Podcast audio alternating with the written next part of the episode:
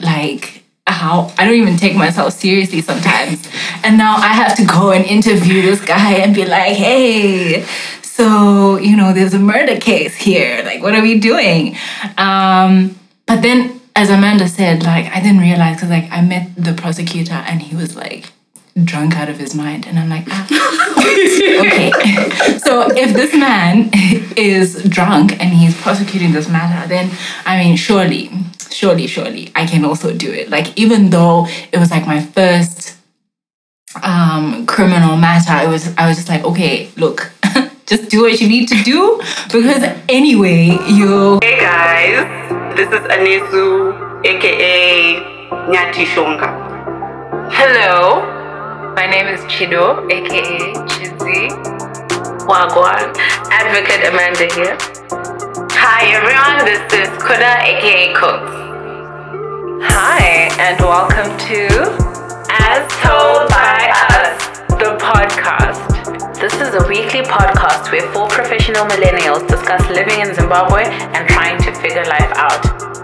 Someone once told us the grass is much greener on the other side. But from where we're standing, our grass is green. Subscribe, like, share, comment down below. Hey ya. How's it going? Hi. Up? What do? All right, so welcome to our what what episode is this? Episode 6? Five six. Episode 6? 5? Anyway, welcome to our episode. Um hey, today's today's topic, guys. Um it's something that I have, you know, had to kind of struggle with and deal with. And that's just, you know, surrounding like insecurities and you know, imposter syndrome and all that stuff. So I just thought, you know, let's just have a, a chat about this because I know that I'm not the only one who who eases when it comes to insecurities. Um, okay, so I, I just thought, you know, like to ask a couple of questions, right? And I think I want to start with do you guys have anything you were insecure about in the past? And how did you overcome that, if at all? I will start by answering this. Um, I'll say, like, I've, guys, I've always been insecure about my body. Um, I'll tell you, I'll tell you. So, um, during like puberty or whatever, when you're like, body is starting you're coming to you- you're coming into your body and like all these like curves are just popping out of nowhere. I was so like insecure about that because i was like oh my gosh. Um even though it was like a nice body but it was like now all of a sudden i'm becoming like a sex symbol or like a woman you know? And that made me feel like hella insecure because i was like e like i'm no longer like a child. Like i felt weird in my body and for that reason like i don't know i just grew up not feeling comfortable and like not liking my body. I don't know um and i remember amanda saying to me in in uni even she was like um why do you hide your body so much? Like because i used to just wear like baggy clothes and stuff and and it was because like I was just so shy and you know insecure. And I think it was Ama really who kind of just her asking me that like why do you hide your body so much? That's it kind of pushed me into thinking, oh my gosh, like I'm actually insecure about my body. And um yeah, you know, that's I, I thought I'd just share that. I don't know if you guys have any um, insecurities that you've kind of had to deal with. How how old were you?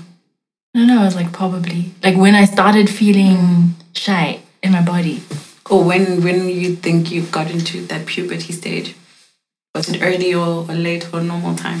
I think it was like I think hmm, I don't remember like 15 maybe like when my body started when I could tell could you okay yeah hey something is changing um I think that there's something important that you said where you said um, you felt like you were now a, a sexual symbol, something like that. And I think that's what it is because when you're 13, 13, 14, 15, you're still a child. Yeah, You were yeah. literally nine a few days ago. And those changes in your body um, come with changes in the way that people treat you. Yeah. I remember being so like nervous about going home after school, like catching ETs, just because of just that Catcalling. catcalling, that mm. attention. Mm-hmm. Like you don't know, like men are so wild because like you're a child in uniform, right? Mm. But you sort of have to to put up with it. You have to deal with it. People will like follow you, mm. and and you're still a child. You still have a child's mind. But now people are talking to you and treating you in a way that's a bit different. Yeah, And I think I, it's so. I feel sorry for for girls because it's it's so hard. A lot of these young girls are looking so grown so soon, and I think that that makes it so difficult um, to even get to that point where you start being comfortable with your body and its changes. So yeah, man, no, that's a that's a real one. That's a real one. Um. So, I was an early developer, right? My, I think somehow in the genes of my family, we develop quite quickly in terms of like we get our boobs quickly, we get our bodies quite early, right? I started my period when I was nine, Yeah. right? What grade is that? Four. How did you handle that? I got my ooh child. I got my period actually so grade four December. I remember we were on holiday with my family, we were in Durban, and that was like we only started learning about reproduction and all of that grade five. So that was even before I learned about the, you know, the body processes. So I already had my period. By the time I went back to school, grade five, and people only started learning about this, I already had my period. Um, so when it came, I didn't know what was happening. I didn't tell my parents until like maybe three days after it actually happened. So on its own, that So was wait, how did you handle it? I didn't. I didn't for three days. I didn't know what was happening, and then um, I think the first person I told was actually my little sister. Not that I knew, not that she could do anything about it, but because I also didn't know what was happening. I just told her. So I was.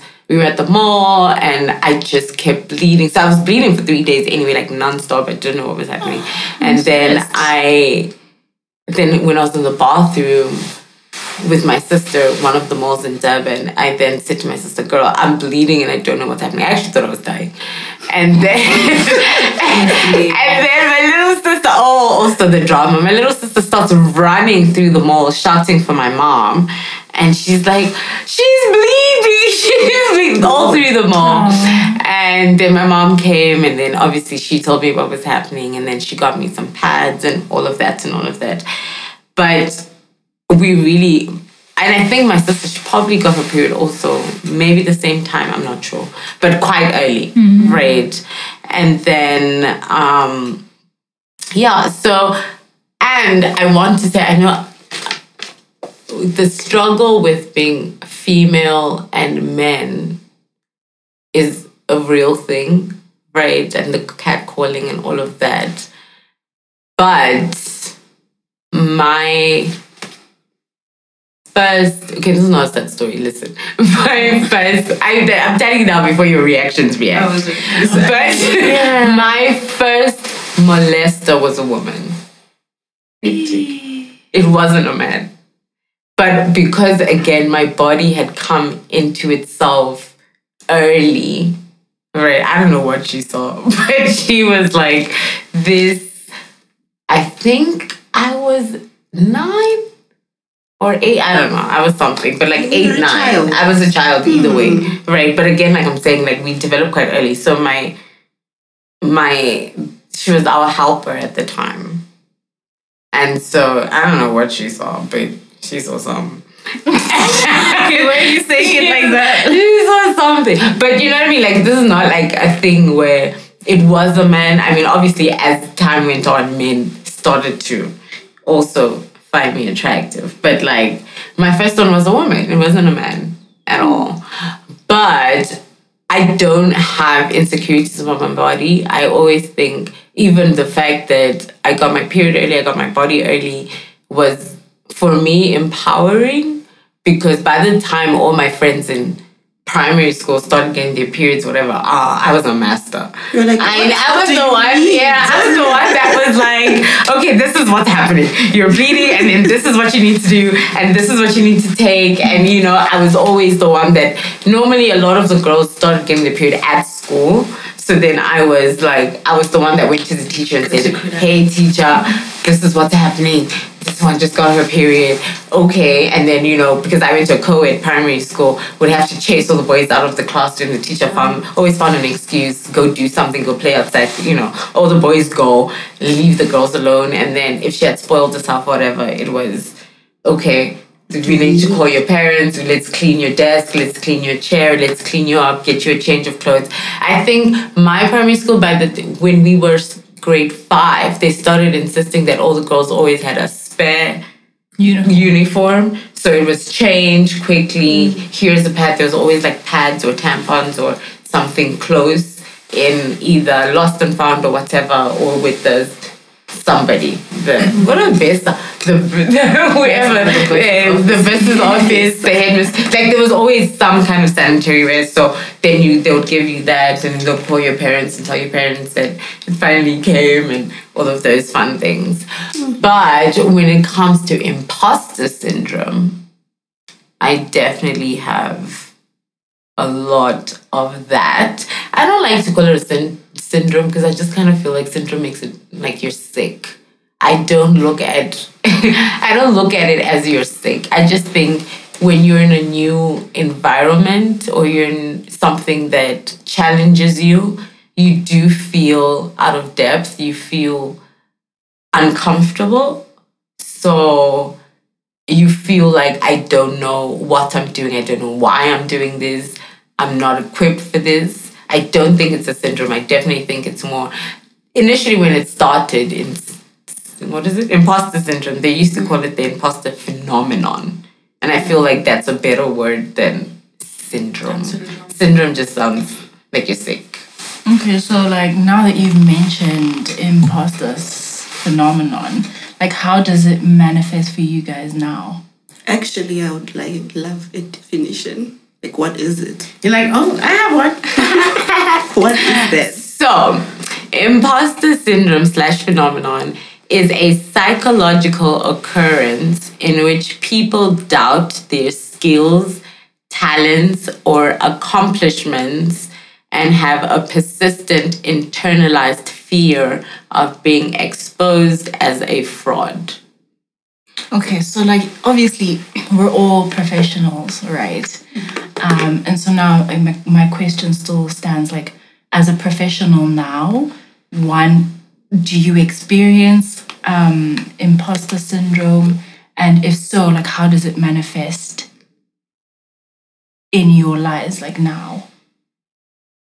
If at all. I have anxiety. About what? I have anxiety about things that make me feel uncomfortable. So when I am, like I said, when I'm in a, when I have a task that I feel like I don't know what I'm supposed to do here, it gives me a lot of anxiety. Um, and I feel like I don't know why you gave this to me because I'm I feel unqualified to do it. But obviously the reason you gave it to me was because I am qualified to do it, and I know I can do it. But because I have the anxiety of it, I then start to procrastinate, and then I don't do it. And what I recently learned was that procrastination is your body coping to stress mm-hmm. right? So your body automatically shuts off when you start to feel stress. And so what it does is it's its own way of dealing with stress by not dealing with stress. Right. So I when I start seeing myself procrastinating in a task for me, that triggers me to say, what are you feeling about it? Do you feel like you're not good enough for this? Do you feel like you don't know this? What is the problem? And then I start dealing with that. And then you realize that once you once you've alerted yourself to what is actually happening, then you can get on with it. So if you don't know something, then you start your research and then you get to know it and then you say, okay, no, actually I know how to do this. I am qualified to do this. I have experience in this. I've done this before, or it might look differently, but it's something that I, I know how to do. Mm-hmm. I think my, I don't think I have it now, but I think the time that I experienced the most in terms of imposter syndrome and just thinking I'm not capable is when I came back from school. I think there's something to say about um, students who go overseas and then come back to to do law because there's this um, misconception that because you went outside, you must not have qualified to be at school in Zimbabwe. Yeah. The stakes are really high. Like I think you need like 14 points or so to go to school at UZ or another university. And I think I felt that mostly because of I don't think it was like an internal thing. I think it was external and then it became internal. So it was people saying, ah, you went where? South Africa. Eh, because you didn't have this. Literally, this was one of the people I used to work with. she was like, Kasi, you didn't get 14 points. What what happened? And I'm like, no, actually, I did have.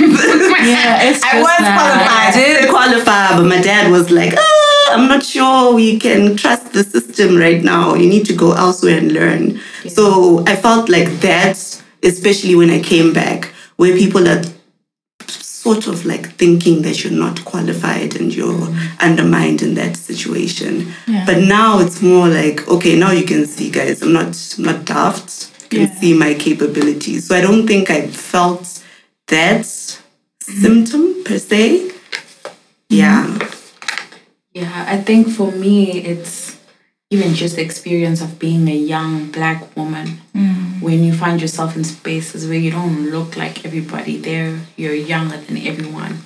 And your assumption is that, you know, everyone is miles ahead. Yeah. I think for me, it, it, it came about in sort of perceiving that, you know, everyone else is miles ahead and you're mm-hmm. behind. And, mm-hmm. you know, uh, for me, I felt it a lot, especially in practicing law, because that's more than just like a competency thing. It's like you're literally taking on people's matters. Yeah. There's money at stake, there's lives at stake, um, certain decisions that need to be made.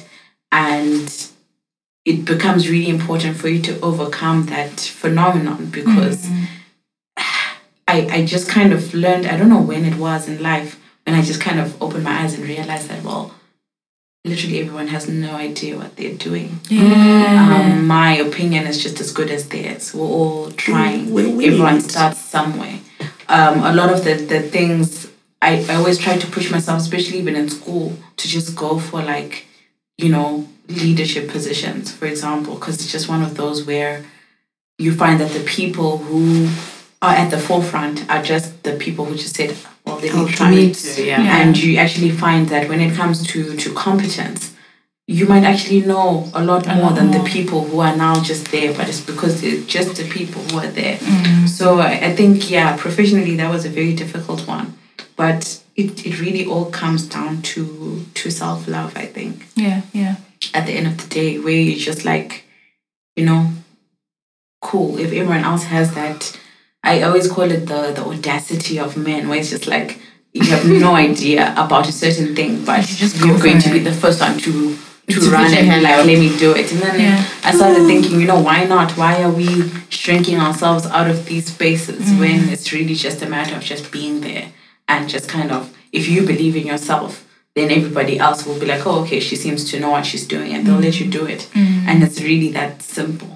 And once you figure out that hack, you know, you start to feel like, well, anything is open Yeah. in yeah. the world. You just have to do it. Yeah, I I had um recently I felt like, oh my gosh, I'm, I'm an imposter and they're gonna catch me out sooner or later. Um, so it was like for my for my um, pro deo matter, right? Um, and I was just like, oh my god, this is like someone's life um, that I'm now all of a sudden responsible for. And if only he knew, like, how I don't even take myself seriously sometimes. And now I have to go and interview this guy and be like, hey, so, you know, there's a murder case here. Like, what are we doing? Um, but then, as Amanda said, like, I didn't realize because, like, I met the prosecutor and he was like, drunk out of his mind and i'm like ah, okay so if this man is drunk and he's prosecuting this matter then i mean surely surely surely i can also do it. Like even though it was like my first um criminal matter it was i was just like okay look just do what you need to do because anyway you're you're facing a drunk man. Like what's the worst that could happen like my opposition is literally someone who's like coming to work drunk. So i mean i can do it too. Um, and then also something that amanda said that was interesting. I think as women as well i think we're kind of it's like a double jeopardy kind of thing where it's like one you, you sometimes feel like am i doing the right thing or am i in the right space? And then two you're a black female as well in these spaces and like you're trying to take up space. And it just feels like yikes am i am i like in the right place? Um so what i i was reading something about um imposter syndrome being like as a result of of low self-efficacy. And that's basically like where you don't even feel like you're capable of delivering on on whatever it is that you need to deliver. Um so now my question is like how do you guys like build your confidence um in the workplace and not even just in the workplace but in the world. In a world where people feel like ah, you're a young black woman like what do you know? How do you build your confidence and like assert yourself to say look actually i am that girl to be here. yeah. I re- sorry, I read something where it said, just going back to what you just said, Chido, that imposter syndrome is really not a feeling of lack of incompetency, but lack of confidence. Mm-hmm. Right. So it's not that you're not qualified for this, but it's just you don't have the confidence in yourself to do it. Mm-hmm. Right. So it does go back to what Amanda said about self love and also just hyping yourself up to say, no, man, like if these, if I'm in this space, it must mean that I'm supposed to be here. Mm-hmm. Or even if I don't feel as confident as I should be. Because you also must remember, particularly us as lawyers, but in other spaces as well, women were not supposed to be there. The system wasn't built for us, right? So we are fighting the hurdle of trying to justify why we're here. Yeah. Right? And I was also reading that imposter syndrome was something that was used as a mechanism or a tool to discourage women or from going to uni and from working, mm-hmm. right? So it became something that men made up, right? To discourage women from going to uni. So it was basically saying, oh, as women, you are going to have low self esteem, you're going to have less confidence, which means you're going to be less competent in being able to work, right? Trying to keep women at home from working, discouraging them from working because now you're going to face anxiety and depression because the system anyway wasn't built for women to work, Mm-hmm. right? So, how I deal with it, I think it is just to constantly remind myself I have the qualification for doing it. I have the degree. I have the experience. I've done this before. I've worked in this space before. men are not scary as much as they think they are. They don't intimidate me. And just trying to remember my self worth and always going back to my own closet and reminding myself, even with affirmations, whatever, just to say, you are good enough. Mm. You can do this. Mm. You know, you're fighting in a system that wasn't built for you, but you are making your own space and you're playing things on your own terms and in your own rules. And somehow something just has to give.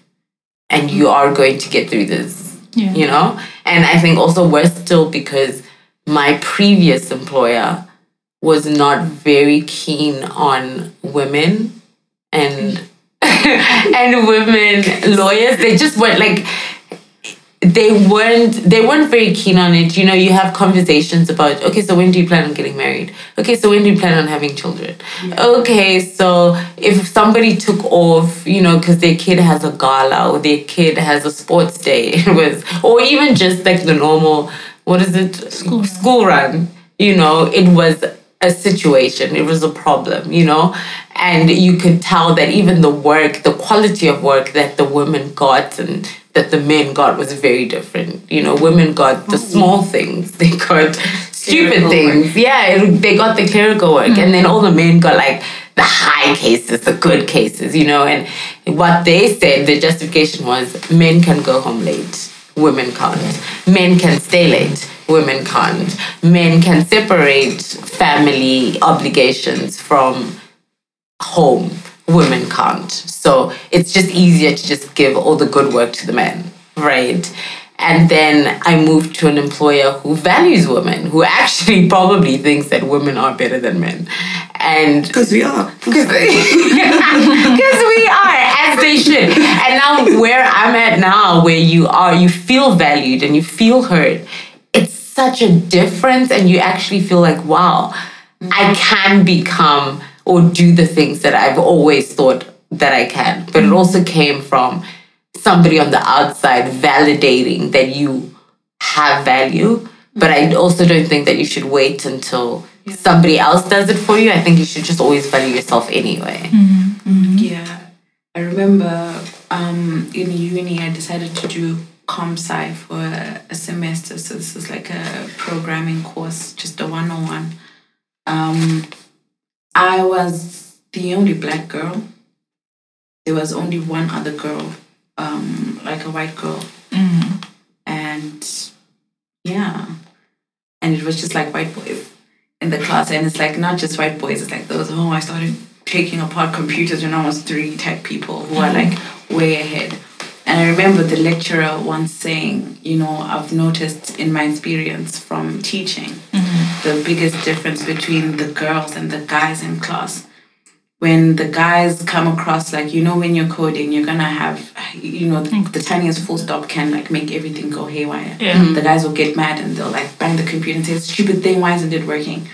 And the girls, when they come across the same problem, they go inwards and say, "Oh no, what's what have I done wrong? What what's wrong with me? I'm not doing it correctly." Mm, okay. And he said that was the, the biggest difference between female students.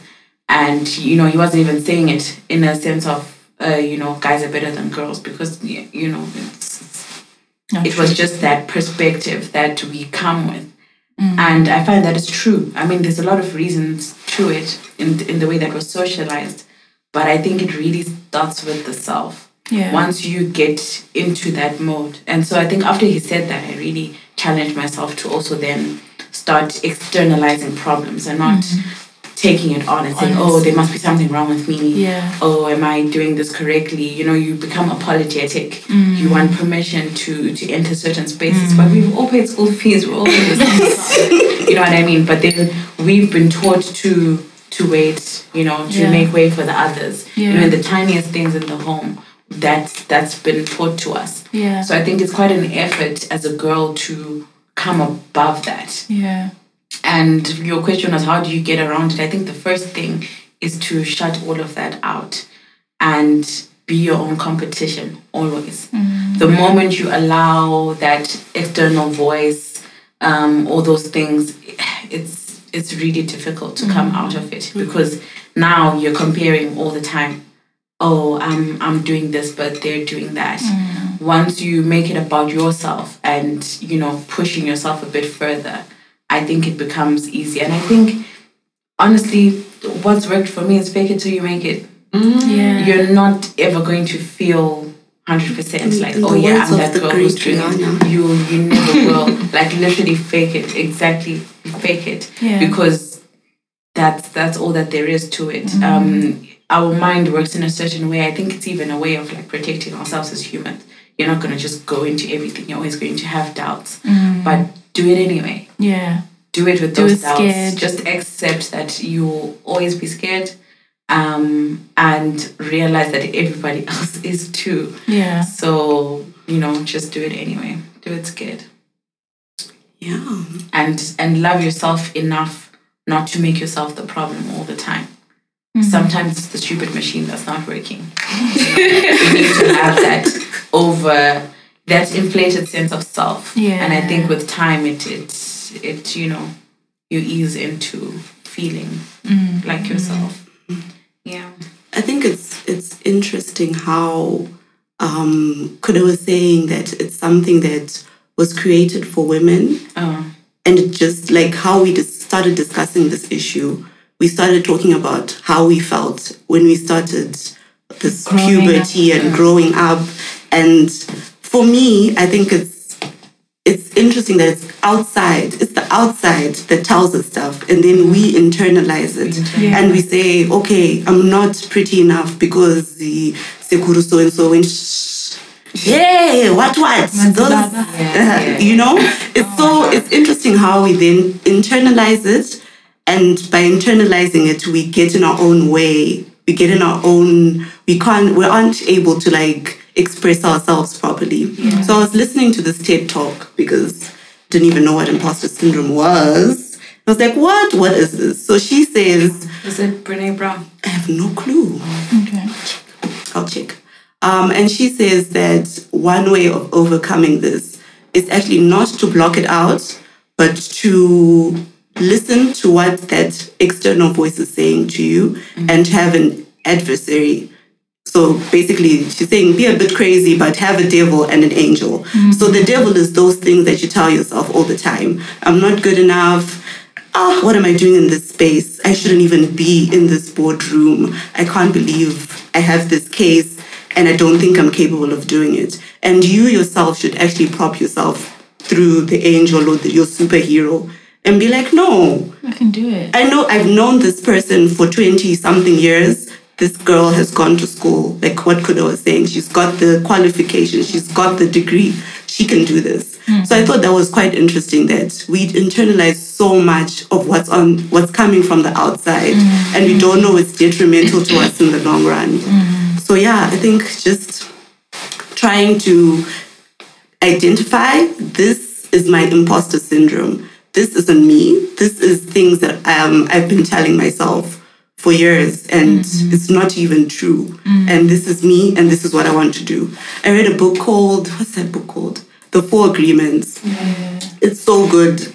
And when I was reading, I was like, oh, it took me so long to read because almost in every chapter, it felt like uh, he was talking to me. He was like, girl, all these things you're doing are agreements. It's agreements. The things you say are important. Mm-hmm. Like things the you things say you say to yourself. yourself and the things you say to others and the things that people say to you that you internalize mm-hmm. are also agreements that you're making. Mm-hmm. So it's just important to to be conscious of those things and know what's coming in and what are you keeping in and what are you like banishing and saying i'm not believing that anymore about myself Yeah. Do you guys Yeah. know about bicycle face?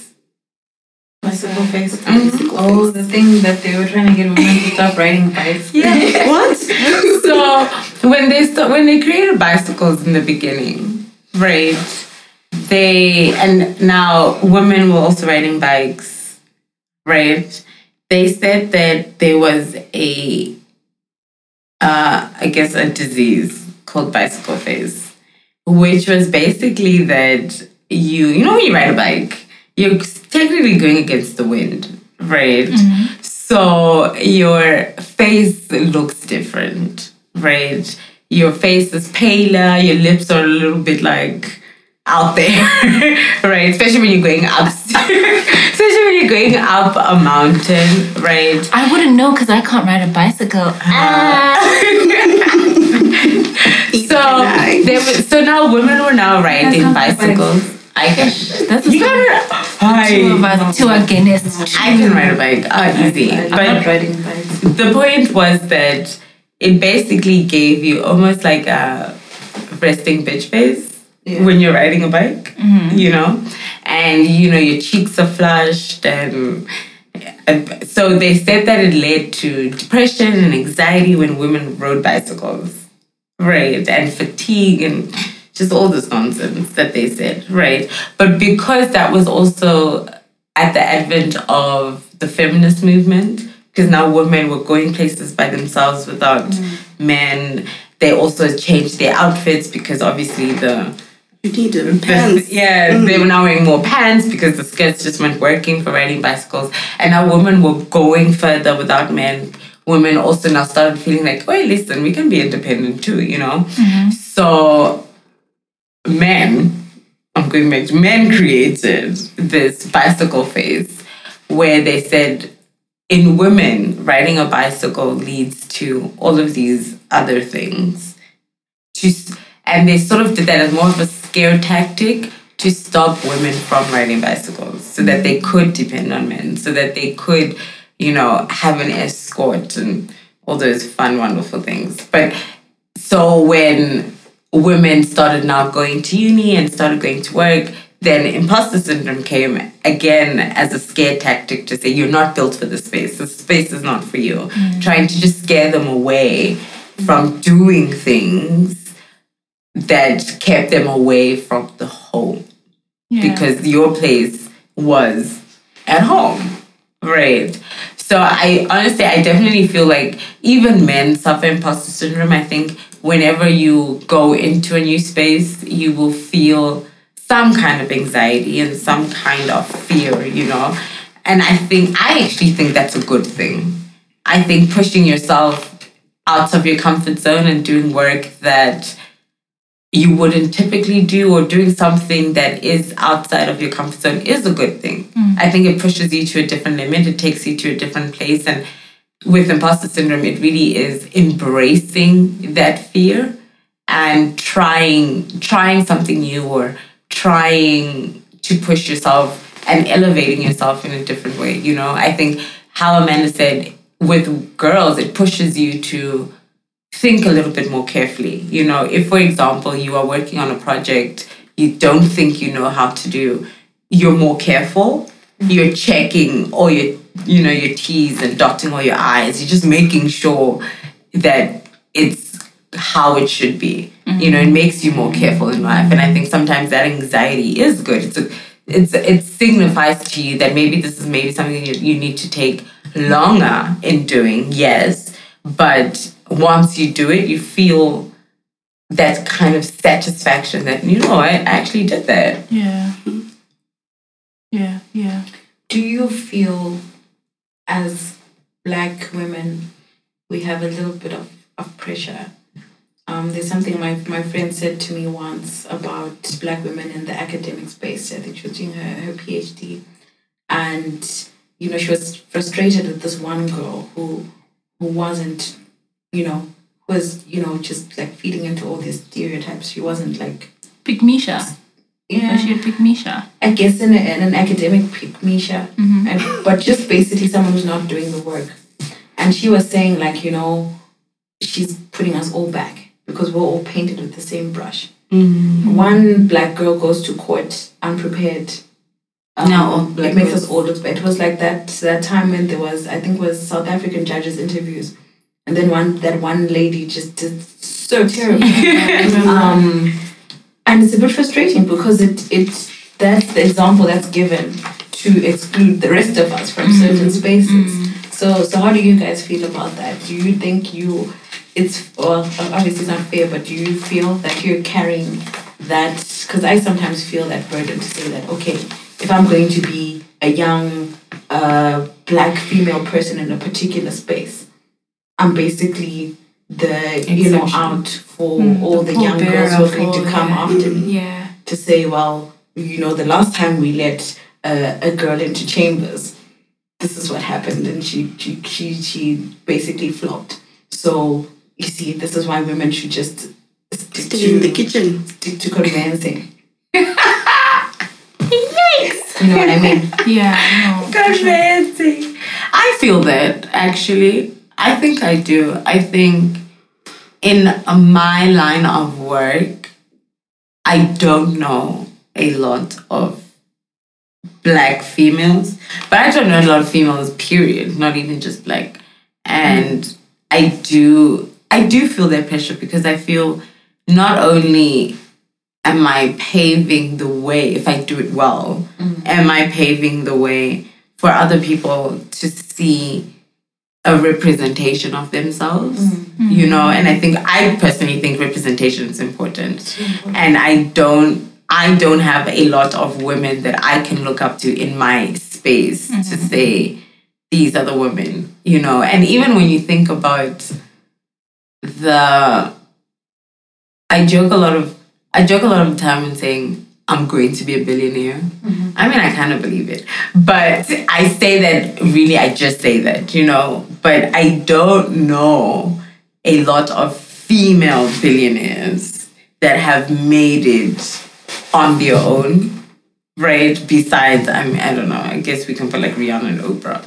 But other than that, either you were a billionaire because your father was a billionaire or you married someone who became a billionaire, then you got divorced, and then now you're also, you know, they got half or whatever. Mm-hmm. But a lot of women that have worked their way to that position just by pure hard work, I think maybe is a handful. And mm-hmm. none of them are from Africa. Mm-hmm. None of them are specifically from Zimbabwe. I mean, to be fair, Zimbabwe doesn't also, we don't have that many billionaires anyway. But I do feel like it is, it is, there is a lack of that representation. So you kind of, even now, even with the imposter syndrome, then it becomes, okay, you have this goal to be a billionaire. Who do you know? You know, so why do you think you, you are going to be the one? You know, so you do feel that pressure to say, I have nieces that I want to pave the way for. If I ever have children, I want them to also say, ah, you know what, if my mom can do it, I can too. Yeah. At the same time, I feel like society is so violent and mean towards a confident women. Yeah, Oh, yeah. I was actually about to I was about to talk about like attribution bias as well. Like um, what Kuda was talking about to say that particularly for women, when a woman is successful, people will always try to attribute her success to oh, who did she sleep with to mm-hmm. become to get to get to the top or mm-hmm. uh, who who's has who's who's she married to or something like that. Mm-hmm. Or they'll undermine her for not being married. Or Exactly, not having exactly, the, exactly. oh, well, she doesn't have that. Yeah, and being an African is like, oh, akaromba, which is like, what, oh what my is that? Aka, like Witchcraft. witchcraft, using witchcraft or whatever to get to gain success. It just feels like as a woman, um, there's just so many forces against you. You know, it's like there if you're successful, if you work hard and you are successful, people will attribute your success to something. something right? that's not you, something That- external. someone- It's not about your hard work. It's Yeah. not about the hours you're putting in. It has to be something external. external. Or but I guess that's the mm. life we're living in, though. Okay, so in conclusion, how are we battling imposter syndrome? can I just say, how are we battling imposter syndrome and any other like insecurities that we're like currently facing? Like how how are we doing that? For me, it's I've just basically committed to working on myself and for myself. Mhm. I think that's that's made the the biggest difference. Where it's just like, look, I'm going to to put in the work to making myself feel like, you know, um, good, to feel good, And once you do certain things to build yourself up, it, it really can't be taken away. Right. You know, if you feel like you're lacking in your knowledge and your know-how, go to school. Go to do the thing that you feel like, oh, I really love to to be that. If it's about your appearance, put some effort into it. You know, um, separate what's what, what's there and what's external. Work on it. Um, if it's that you've been growing up in a place where you're always told something about yourself, then you know get that awareness, but then just do it for yourself because at the end of the day, it's your life, and if you start to live it for other people, um, you'll never really be happy. Yeah. For me, I think my relationship with God has really helped me because I know that I'm not any different from a man. And if you really read the Bible for real, for real, you know that the girls in the Bible were badass. The men did nonsense. The girls the girls held it together, right? And just to remember,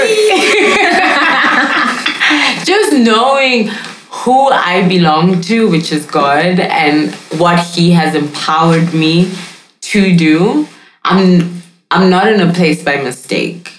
And mm. there's a reason why I'm there. And then on top of that, just even therapy has really helped me. I've had to work on my internal dialogue and the things that I tell myself. Yeah. And who I am has really been very helpful. I did I grew up and I I grew up in a family where I was told that I can do anything. Mm. Right. And why I doubt myself is because of all the outside noise. Mm-hmm. Right. So just also shutting that out and having a better internal dialogue has really helped me. Um, yeah, what they said. yeah, I just think it's it's really this one is more like a introspective chat. It's really about like yourself and the things you say to yourself really and the things you believe in and how you need to like try and make those things into action. So if you tell yourself, because I'm really big on affirmations and just telling myself, I can do this, I've got the tools, I can do this. Because yeah, anxiety is so real.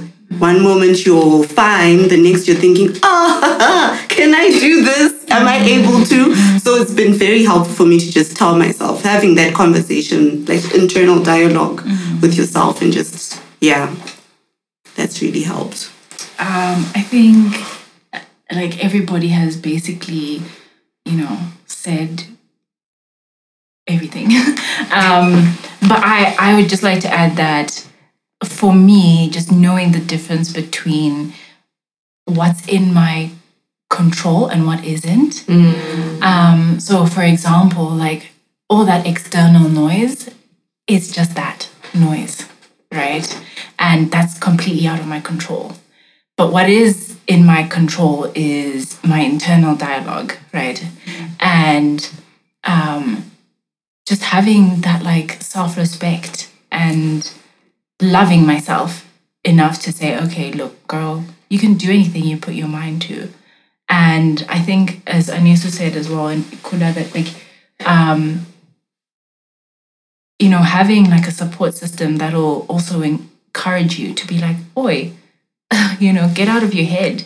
Um, you really can do anything that you put your mind to. Oi, get out of your head. you really can do it. Oi. Fun fact. Hey. Okay, so we're talking about imposters, no? So, in India, there was a man who scammed a five star luxury hotel into giving him a two year free stay. So, the hotel is called mm, You see the audacity. Rose Rose Roselle House Hotel. I don't know, whatever. But anyway, so this man checked. Check, ew, mm. this man checked in on May the thirtieth, twenty nineteen, and he left in January twenty twenty one. Right. So he was living there for they said 106 103 days, right, without paying the bill. The audacity. The audacity! I told you, man. Anyway, so he colluded with the, one of the employees to give him a free stay for two years. And then Shem, eventually he was arrested and he was fined 70,000 US dollars, which was basically what he owed the hotel. But he wasn't the only one. Again in India, there was a man who pretended to be the resident of the UAE and an employee of the royal family of the Abu of Abu Dhabi. Yeah. And he stayed for four months in another hotel and he also just left without paying. He had also stolen silverware and sheets and blankets from his room. And he was said to have stayed there from the August 1st until November 20th of last year. He had documents, to be fair, that also corroborated that he was a resident of the UAE and that he, I don't think he proved that he worked for the royal family in Abu Dhabi, but I think he showed something, some kind of conversation or something, and that allowed him to stay without paying. And in Taiwan, five teachers at a preschool have been arrested for drugging students. Students? Do you call pre pre-K kids students? I don't know. Anyway, the babies, right? Pre-K. Pre-K, yeah. That's like a two-year-old dog. Yeah, what are you yeah. doing? So they were drugging them. So what they gave them was so the students said that they got a magic potion. That's what the students called them. But what it actually was was cough syrup. That Bongo. was that was laced. Yeah, actually, kind of, because it was laced with benzo. You know, like benzo is used for like um anxiety and depression. And then yes, that one. And To the, make the toddlers calm down. Yes, but the problem was it had the opposite effect when they got home. So the parents report that their kids were either withdrawn or they were starting to pull out their hair or they were screaming whilst they were sleeping. From, from Bronco. Exactly. So Because they- you know what, the high was just too much for them. That's just hmm. what it was. Like they used to know what was happening. So these teachers have now been arrested and fined 46,121 United States dollars. Per child. No. like, in total. I swear, I feel like I'm gonna be that mom that turns up on schools and funny things like this. Like what? Yeah. And What that's do you do? You just homeschool your kids. Ah, no, because you also have to work, right?